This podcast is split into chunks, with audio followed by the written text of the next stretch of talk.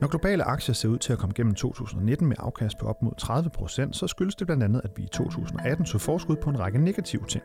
Så lyder det fra Morten Gregersen, der er chef porteføljeforvalter for globale aktier i Nykredit. Hør mere om lidt. Bæredygtighed fylder mere og mere hos både selskaber og investorer, lyder det videre, og det er medvirkende til, at fonden Bæredygtige Aktier er den hos Nykredit, der har klaret sig bedst i år med en stigning på omkring 34 procent. Det kigger vi på lidt senere i programmet, ligesom du kan få et indblik i, hvordan afdelingen arbejder. En række prognoser lover godt for aktieåret 2020, men der skal indtjeningsvækst og udbytter til. Få forklaringen til sidst i programmet. Du lytter til Investor Insights fra Nykredit. Mit navn er Kasper Sagmann.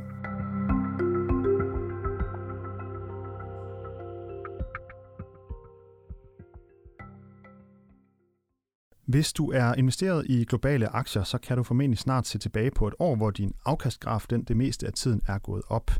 Med ganske få handelsdage tilbage af året, så ligger det brede verdensindeks MSCI World All Countries til et afkast på omkring 28 procent i danske kroner, og det tegner dermed til at blive det bedste aktieår siden 2009. Det er noget af en kontrast til sidste år, der som bekendt gav et minus på i omegnen af 6%. De opadgående kurver dem ser vi også på tværs af Nykredits globale aktieafdelinger, globale fokusaktier og bæredygtige aktier, der faktisk er foran det, der hedder benchmark, altså et sammenligningsgrundlag. Hvorfor ser 2019 ud til at blive det bedste aktieår i et øh, årti, og hvor peger fremtiden hen? Det øh, får vi i ugens podcast øh, dit bud på. Morten Gregersen, velkommen til. Ja, tak for det. Du er jo chef porteføljeforvalter for globale aktier her i, i Nykredit, og herunder de to afdelinger, som jeg nævnte lige for lidt siden. Det her det er jo podcast nummer 121 i rækken, og jeg vil gerne lige starte med et citat fra nummer 84, som vi udkom 20. december sidste år, øh, altså præcis øh, et år inden øh, denne podcast bliver udgivet. Her stod øh, vi to i studiet her, ligesom vi gør nu, og kigger tilbage på 2018, var det så dengang, og du sagde blandt andet sådan her. Når vi kigger på prognoserne, så er det klart, at vi mister økonomisk momentum i øjeblikket. Øh, men der er ikke noget, der tyder på, at vi står for en recession faktisk. Øh, og øh, så derfor synes jeg egentlig, at vi priser rigtig mange dårligdomme ind i markedet nu, og det, det er jo, jo mere det falder i, i 18, øh, jo mere har vi jo egentlig taget forskud på, på de negative ting, øh, der vil, der vil øh, komme i, i 19. Ikke? Og det, det, det tyder egentlig på, at, at vi måske godt kan få en, en, et, et noget bedre øh, afkastmiljø i, i øh, de kommende år. Yes, så det her med at tage forskud på de negative ting, og, øh, og det er noget af det, der kan have medvirket, at vi får et, et bedre afkastmiljø. Er det, er det simpelthen derfor, Morten, at vi står her og har haft et, øh, et så godt øh, aktieår i, i år indtil videre, at vi tog forskud på, på nogle af de negative ting sidste år?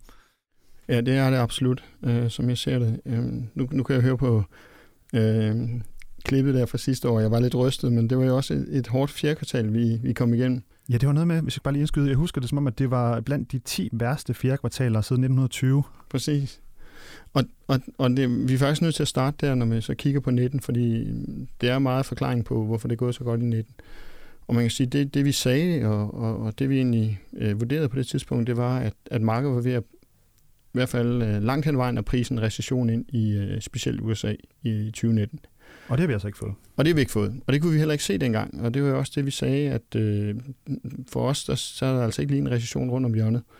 Og det betød også, at vi, øh, på det tidspunkt sagde, at vi forventer egentlig et, et forholdsvis fornuftigt øh, afkast over en dobbelt, dobbeltcifret øh, afkast øh, øh, på globale aktier i, i 2019. Og det har vi jo i hvert fald fået. Og det har vi så fået til, til fulde. Øh, men hvad hvad er det så, der gjort, at vi så har fået endnu højere? Altså, der var ikke nogen, tror jeg, overhovedet, der havde sagt, at vi skulle stå her med, med, med at have 28 procent i foråret. Jamen, der, der, er, der er selvfølgelig mange elementer her, men, men man kan sige, øh, jeg plejer at joke lidt med, at, at det, der driver aktiemarkedet, det er indtjeningsudvikling og fremtid, eller om forventninger om fremtidig indtjeningsudvikling. Og der kan man sige, øh, der er det paradoxale med 18, var jo faktisk, at det var et rigtig, rigtig godt indtjeningsår. Men der var forventningerne til fremtiden jo noget dystre. Og da vi stod der i fjerde kvartal, vi, var, vi havde en recessionsfrygt, øh, vi havde samtidig en, en amerikansk centralbank, der var ude at stramme, vi havde øh, USA og Kina meget, meget langt væk fra hinanden. Vi, havde på, vi stod på grænsen til en handelskrig, øh, og vi havde totalt øh, kaos øh, i England med hensyn til Brexit og hvor vi stod der. Så markedet kunne ikke mere der. Vi, vi havde set, vi oplevede det her makroøkonomiske momentum aftag. Vi kiggede ind i et 19, og det er jo også det, vi oplevede, øh, hvor, med, med forholdsvis lav vækst. Øh, og så var der alle de her dårligdomme, som, som simpelthen slog bunden ud af markedet til sidst, og, øh, og så kunne vi ikke mere. Så kom der en masse tekniske faktorer og alt muligt andet, øh, og så kom der øh, det, vi kalder force selling, altså markedet, du ved, når først det falder, så, bliver det, så nogle gange falder det mere, end, øh, end hvad godt er. Så, så der, var, der var også nogle tekniske faktorer i markedet, der gjorde os gældende. Så, så rigtig, rigtig dårligt marked, øh, den vi endte 18 af med. Men et år, hvor vi faktisk havde pæn indtjeningsvækst. Og det betød så, at udgangspunktet, som jeg også er inde på i det klip, det, det var faktisk meget øh, gunstigt for, for aktiemarkedet i 19, fordi vi fik ingen recession, og faktisk når vi står her, så, så er den forholdsvis svær at få øje på stadigvæk. Ja, vi er ikke engang tæt på, kan man vel godt sige, i hvert fald i, øh, i USA, hvis man nej, tager der. Nej, altså vi har, øh, vi, vi taler lidt om, vi har, vi har måske haft en, øh, eller det har vi haft, vi har haft en, en industrirecession, så mange industriselskaber... Globalt, eller? Globalt. Øh, så mange industriselskaber er blevet ramt af den her makroøkonomiske øh, afmatning, og øh, også handelskrigen. Øh, og det har faktisk været en synkron afmatning, der startede i Kina, bredte sig til Europa og ramte sig USA i anden halvår 18. Og det er det, vi har set ind i 19, så det har været forholdsvis lavvækst, og det, og det har, det har øh, de mere cykliske sektorer jo helt klart lidt under. Øh, men det, der så er den, den omvendte side af det her, det er jo så, at markedet noget at blive rigtig, rigtig billigt, og hvis der ikke kom en recession, jamen så, øh, så endte vi jo faktisk med at handle på multipler, der er sådan under det langsigtede gennemsnit. Og det var også en af grundene til, at vi sagde, at det, det tyder faktisk på, at vi, vi kan få en, en, en, det, vi kalder en re-rating, at markedet skal tilbage sådan på, på, på det langsigtede gennemsnit. Altså, øh, I forhold til forventede indtjeninger? Eller? Ja, mere på værdiansættelsesmultipler. For det, det, det er så den anden side af det. 19 har været ramt af det her, som jeg er inde på, det her øh, svage makromiljø. Og det, det betyder faktisk, at når vi nu runder vi snart 19 af, at det har så været et år uden indtjeningsvækst i selskaberne, men meget, meget kraftigt afkast. Øh, og det er jo så fordi, at vi nu kigger ind i noget, der tyder på, at vi kigger ind i en bedring i 2020. Så konsensus er stadigvæk, at øh, eller langt hovedparten af, af markedsjagttagerne kan ikke rigtig se en recession i 2020. Øh, forbrugeren har det stadigvæk forholdsvis fornuftigt. Øh, der er mange af de ledende indikatorer, der ser ud til at bunde lidt ud og begyndte faktisk at pege lidt opad. Øh, vi har fået øh, i hvert fald en forløbig afklaring mellem USA og Kina, og første fase af en, måske en handelsaftale. Øh, det ser ud til, at vi får sådan det, vi kalder en orderly Brexit. Øh, vi får i hvert fald et... Hvad, hvad, hvad betyder det? Altså? Jamen, nu tyder det på, at øh, i kraft af de konservative flertal i, i det engelske parlament, at... Øh, Ja, som vi fik ved valget her øh, ja, i, ja, præcis. Øh, at Johnson nu kan få sin Brexit-aftale igen, og, og i den indebærer blandt andet, at nu kommer, øh, at vi jo egentlig har en sådan en, øh, øh en fredsperiode her i 2020, hvor mange af de her detaljer i aftalen skal handles på plads. Så, så det, det tyder også på, at vi heller ikke her får sådan noget øh, stød til økonomierne. Øh, så alle de her ting taget i betragtning, øh, så kigger vi faktisk ind i et år, hvor vi begynder at få indtjeningsvækst igen, og alle de her den her frygt, den er, den er i hvert fald skubbet et stykke ud i fremtiden. Øh, måske endda helt ind i, i 21 eller senere. Og hvis vi ser lidt på, øh, på afkastene, bare lige for at tage lidt af det, øh, også øh, sådan på, på de forskellige afdelinger, der er der, hedder bæredygtige aktier, øh, som har klaret sig bedre end de andre. Den er op med omkring 34 procent for året. Øh, kan du lige bare lige prøve at sætte nogle ord på det, fordi jeg har lidt en idé om, det er noget sådan lidt en større tendens med det her med bæredygtighed og så videre, som jo øh, fylder meget. Vi har fået en klimalov i Danmark, og der er Greta Thunberg og alle mulige andre ting, som peger på, at bæredygtighed og klima og så videre, det er noget, der virkelig er på, på dagsordenen. Ja, bæredygtige aktier er den bedst performende, øh, som det ser ud, øh, har gjort det i hvert fald øh, i lang tid også. Kan du prøve at sætte nogle ord på det? Hvad, hvad der, der, der, der trækker det, øh, den bevægelse? Det, det kan jeg godt. Uh, man kan sige, at uh, du har fuldstændig ret. Altså bæredygtighed er et tema, der har fyldt rigtig, rigtig meget i, uh, at, i, i, i, miljø, i aktiemiljøet og selskaberne og, og selvfølgelig hele samfundet. Det, det, har bare, det er også en af grundene til, at jeg tror, at Greta Thunberg blev uh, øh, Times Magazine uh, People of the Year, der, ikke? eller Person of the Year. Men uh, nej, det har fyldt rigtig, rigtig meget. Man kan se, uh, og det er både blandt uh, detailinvestorer og og de store institutionelle investorer, professionelle investorer, som, som ligger enormt meget vægt på det. Så i vores samtaler med selskaber i, i, igennem året, jamen så, så fylder det bare mere og mere. Så det, det er en kraftig, klar tendens. Øh, og det betyder også, at der er øh, bliver allokeret mere og mere til øh, bæredygtige aktier. Eller om, om, vi, vi, vi diskuterer meget internt, og vi diskuterer også meget med vores investorer, hvordan griber man det her bedst an en af måderne, vi kan gøre det på, og det er jo den vej, vi har valgt med bæredygtige aktier. Vi har også andre tilgange i, i, øh, i NyKredit. Men, men den måde, vi har valgt med bæredygtige aktier, det er sådan lidt at gå den retning af, af selskaber, som er det er lidt det, vi kalder best in class, eller ESG leaders, taler man også om på, på, på engelsk. Altså førende på deres område? På førende på deres område, ja. Så øh, virkelig har taget bæredygtigheds... Øh, øh, tankegang eller kan, problemstilling. Kan, kan, kan du give et eksempel på, hvem det kunne være? På Altså, jeg, jeg plejer at fremhæve, øh, men øh, vi har jo 50 selskaber i den portefølje her, så, øh, og alle har ligesom inkorporeret det i deres forretningsmodel og, og forholder sig til det, og når vi diskuterer det med dem, så øh, på det niveau, niveau, vi når og diskutere det med dem, men, men, men så fylder det rigtig, rigtig meget. Men der er nogen, der har løftet det helt op sådan på det helt høj, på højeste plan, sådan på strategisk niveau, og, og simpelthen, øh, hvor det gennemsyrer hele organisationen. Ikke? Og, og der øh, et eksempel er jo blandt andet øh, øh, øh, tre af de store fødevareselskaber, eller øh, øh, stabile forbrugsgoder, som vi kalder dem, Nestlé, Unilever og Mondelez. Og, og det er jo faktisk meget tankevækkende i forbindelse med, med deres øh, tredje kvartals regnskaber, at der alle tre selskaber er kendetegnet ved, at de giver et, øh, selvfølgelig et årsregnskab og et halvårsregnskab, og så kvartalerne indimellem, der, det giver de bare sådan en salgsupdate. Så det er forholdsvis korte meddelelser. Men alle tre var så inde og diskutere bæredygtighed øh, på øh, forsiden af deres øh, pressemeddelelse eller deres regnskabsmeddelelse. Mondelez talte om bæredygtighed med, de er rigtig, rigtig store i snacking og chokolade osv., de talte om øh, bæredygtighed i øh, kakaoproduktionen. Øh, Unilever, som er det selskab, jeg plejer at fremhæve, øh, som virkelig har taget det op på strategisk niveau, talte om øh, recycling af, af plastik, og hvor langt de er der, og de faktisk vil øh, recycle mere end det øh, plastik, de selv emballerer deres produkter i. Øh, sådan, sådan 120% target for 2025. Og, og, øh, og Nestlé taler om øh, bæredygtig øh, planteolieproduktion, hvor de faktisk køber adgang til satellitter, så de kan overvåge deres underleverandører, så de er sikre på, at det foregår på en bæredygtig måde. Så det fylder rigtig, rigtig meget. Øh, og selskaberne bruger det både til at øh, reducere risiko i deres forretningsmodel, men absolut også at appellere til forbrugerne, øh, fordi det også fylder rigtig, rigtig meget ved forbrugerne, at de har bæredygtige produkter på hylderne. Og, og når de her tre giganter jo arbejder så meget med det, så smitter det jo også af på nogle underleverandører, forestiller mig, altså nogen, der kan lave de her satellitter for eksempel, eller, eller så videre. Altså på den måde, så er det jo noget, der breder sig som ringe i vandet, kunne man tro. Jamen, øh, helt sikkert. Altså, det, det har det jo også, og noget, nogle af de aktier, vi har i bæredygtige aktier, er jo, hvad skal man sige, mere løsningsorienteret. Altså, vi prøver at angribe det på forskellige måder vi engager med de her selskaber, altså vi, vi, vi er aktive ejere, vi, vi er i dialog med dem omkring, hvordan de ser en bæredygtig fremtid. Uh, vi ekskluderer også en del, og det er jo den tilgang, vi har valgt i bæredygtige aktier. Man kan vælge en anden tilgang. Man kan også vælge uh, arbejde med selskaber, der er i, i, i områder, for eksempel i det, vi kalder traditionel sort energi, men hvordan de håndterer energitransformationen, og så engage med dem, eller være i dialog med dem, og hvilken rejse de er på, og hvordan de har tænkt sig at forholde sig til det.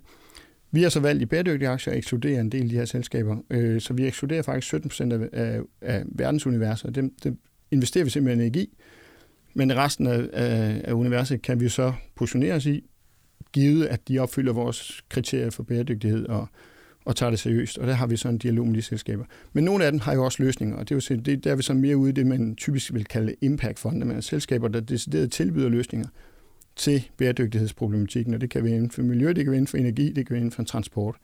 Øh, og der kan man sige, jamen der har vi også en enorm interesse, det var der allerede inde på, også politisk, som understøtter forretningen for de her selskaber. Så derfor mærker de jo også sådan, måske en, en slags mere vækst end resten af markedet, fordi der er enormt meget fokus på det. Og øh, sidste år, da du var i podcasten, og vi snakkede lidt om året, der var gået, som vi også gør lidt her, der fortalte du om, at I havde skruet lidt ned for, for industriaktier og, og skruet lidt op for sådan noget som sundhed for eksempel. Øh, kan du nævne bare lidt, lidt øh, omkring, hvilke bevægelser I har, har taget i, i år? Ja, og det er måske den anden side af, af, øh, af forklaringen på, hvorfor det er gået så godt med bæredygtige aktier, men også med vores andre øh, øh, globale fokusaktier osv. Øh, og det er jo vores fokus på det her mere strukturelle vækst. For det vi så ind i 19, det så, som jeg har nævnt tidligere, det var, at vi, vi kunne ikke rigtig se en recession, men vi kunne omvendt godt se en økonomisk afmatning. Øh, og vi var da også bekymrede, som jeg sagde før. Altså en økonomisk afmatning, det er, at væksten bliver ikke så høj, men med recession, det er, at det bliver negativ vækst. Øh, ja, lige præcis. Lige præcis. Så, så vi, vi så ikke negativ vækst, vi forbrugeren så, så forholdsvis fornuftigt ud stadigvæk og havde det godt. Øh, men vi kunne da sagtens se, at der, der var nogle sektorer, der blev udfordret, så derfor tog vi reducerede vi yderligere vores sådan mere cykliske eksponering, og fokuserede i stedet på de her mere sådan strukturel vækst af selskaber, der bedre kan levere vækst hen over øh, konjunkturforløbet. Det er øh, sådan stabil forbrug og sundhed og sådan noget? Stabil forbrug, sundhed, IT-sektoren har vi, du ved, hvor der er, der er mange, rigtig mange strukturelle drivers for, for, for IT-selskaberne stadigvæk. øh, og som også har vist sig at holde stik i år. Øh, så, så, hvis du så ordentligt set ser på IT-sektoren, så er den også, meget af det er også konjunkturfølsom, og jeg talte, tror jeg, også sidste år blandt andet om, om semiconductor-industrien, der, der har haft det rigtig, rigtig svært 19, men som ud, ser ud til faktisk at bunde ud nu. Men andre elementer af IT, blandt andet IT-selskab, eller undskyld, internetselskaberne, som igen har haft et, et meget, meget fornuftigt år indtjeningsmæssigt. Og en af vores største positioner, Microsoft for eksempel, er glædet fuldstændig hen igennem det her, den her makroøkonomiske afmatninger og leveret rigtig, rigtig flotte tal i år, så også er vi en af årets bedste performer. Så der er elementer af IT-sektoren, som, som er noget mere konjunkturresistent end øh, andre elementer af, af, af både IT-sektoren og andre sektorer, som, som de mere meget cyklisk orienterede sektorer. Så og det var det, vi prøvede at undgå, og, og der kan man sige, der fik vi virkelig rygvind, øh, specielt i første halvår, fordi det, det, øh, det så markedet også, og markedet blev bekymret for mange af de her mere cykliske sektorer, og, og søgte derfor over imod, imod de selskaber, der, der bedre kunne levere vækst i, i det her vanskelige øh, makromiljø. Øh, så, så I har rykket, øh, så I også gået lidt mere, bare lige for at forstå det, så I rykket lidt mere ind i, i, i den øh, IT-selskab og sådan noget også, eller hvad? Jamen det, det er fyldt meget hele tiden, og, det, og jeg tror, vi har øget lidt faktisk ind over året, men, men, men det, er stadigvæk, det er stadigvæk en tung sektor for os. Og den har også outperformet, fortalte du mig, da vi snakkede i går, at den har outperformet resten af indekset for syv år i træk. Noget, den ja. Kan det godt passe? Jamen, øh, det, det er jo historien om det her årti, vi er på vej ud af. Det har været øh, IT-aktiernes årti, det må man bare øh, sige, øh, massiv outperformance af resten af markedet. Øh, der, er nogle, øh, der er selvfølgelig nogle selskaber, der har virkelig har trukket læsset, øh, øh, og det berømte, den FANG-indeks, eller FANG-selskaberne har, har Facebook, vi jo... Uh, Amazon, Apple, uh, Netflix, Google. Præcis, øh, plus, plus lidt vedhæng, kan man sige, men, men, øh, men de, de øh, hvis, hvis man tager bare, de er jo blevet kæmpe, kæmpe store, og det er jo tankevækkende, nu, nu kigger vi, nu nævnte jeg før Microsoft, som jo ikke længere er verdens største selskab, fordi uh, Saudi øh, Aramco er kommet på børsen, ikke? men uh, uden X Aramco, og så kigger på resten af verden, så, så er Microsoft nu et uh, 1.1 trillion dollar company, så en kæmpe, kæmpe mastodont, uh, men stadigvæk med enormt stærkt operationelt momentum. Så vi sidder og kigger på et selskab her, der, der vil, levere øh, dobbeltcifret øh, indtjeningsvækst, som vi ser det i hvert fald 3-5 år ude i fremtiden. Og så en sidste ting, Morten. Nu, nu sagde du lige før, at det havde været øh, IT-selskabernes øh, årti. Øh, nu kigger vi jo lidt frem i fremtiden. Hvad øh, næste årti, hvis, øh, hvis bliver det så? Eller næste år, Mikkel? Ja, næste år. Ja. Jamen, det, der er interessant med uh, 2020, når vi kigger på det, og det er jo, det er jo godt, uh, først og fremmest, det er, at uh, vi ser på nogle prognoser, der tyder på, at, øh, at vi igen kigger ind i, det kan godt være, det er en minicykel, men det er i hvert fald en synkron minicykel. Så alle regioner i verden ser ud til at opleve sådan et stigende økonomisk momentum for den her minibund, vi har oplevet. Øh, så alle regioner skal levere vækst, og de aktier, der så er positioneret i de enkelte regioner, vil også alle levere indtjeningsvækst. Og hvis vi kigger på undersektorerne, så er det faktisk samme billede, der gør sig gældende. Så jeg kigger faktisk første gang i lang tid på et år, hvor i hvert fald nu her ved indgangen til året, eller tæt på indgangen til året, øh, kigger ind i et meget, meget bredt baseret opsving. Øh, og, hvad, og hvad, kan det, hvad, hvad, hvad har I sådan et, et, øh, en idé om nu, en forventning nu omkring afkastmæssigt, øh, hvor vi kommer til at lande? Men, men, altså, det er svært at spørge selvfølgelig. Men, ja, ja, men, men, øh, nej, men jeg, jeg, jeg kan selvfølgelig godt få finde ud af, hvor du er henad, men, men man kan sige, øh, for det første så lover det her godt for aktier. Selvom det er gået rigtig, rigtig godt i 19, så når, når vi ser de ledende indikatorer, indikatorer pege opad, vi ser et bredt baseret øh, øh, opsving, der også materialiseres i en bredt baseret øh, indtjeningsvækstbillede, øh, jamen så, så lover det godt for aktier. Øh, og så kan man sige, du ved, så det, det tyder egentlig på et forholdsvis fornuftigt aktieår igen. Nu er aktier så gået hen og blevet dyre i forhold til, hvad, hvad jeg talte om sidste år. Der var de blevet billige i forhold til det overordnede øh, langsigtede gennemsnit osv.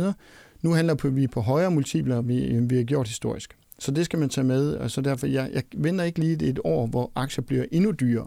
Så det, der skal drive aktier i år, det, det er indtjeningsvækst. Og det tror jeg sådan set også, vi får. Plus de udbytte, de nu giver. Og hvis jeg gør det op lige nu, peger konsensus på omkring 10% indtjeningsvækst for, for, for 20, det kan godt være, at det bliver lidt lavere. Det, vi skal i hvert fald have mere økonomisk momentum, end vi ser i øjeblikket. Selvom det peger opad, så er det stadigvæk på, på lave niveauer. Men, men det kan også sagtens materialisere sig i løbet af 2020. Så øh, lad os bare sige, at vi, vi ender i øh, mellem 5 til 10 øh, procent i indtjeningsvækst, og så udbytten, jamen så ligner det et 8 til 10 procents aktieår. Og det er sådan set også øh, mit basisscenarie for, for 2020. Vi må se, hvordan det, det går. Der er mange ting at snakke om næste år også, øh, kan jeg høre. Tusind tak, fordi du kom, Morten Gregersen, og lige fortalte os lidt omkring 2019, hvordan du har set det, og lidt om fremtiden. Tak for det. Selv tak. Og Morten han er jo chef porteføljeforvalter her i Nykredit for øh, bæredygtige aktier og globale fokusaktier. Du lytter til Investor Insights fra Nykredit. Du kan følge podcasten på nykredit.dk eller iTunes, SoundCloud, Spotify og Pocketcasts. Og hvis du har idéer til emner, vi skal tage op, så kan du sende en mail til podcast Tak fordi du lyttede med.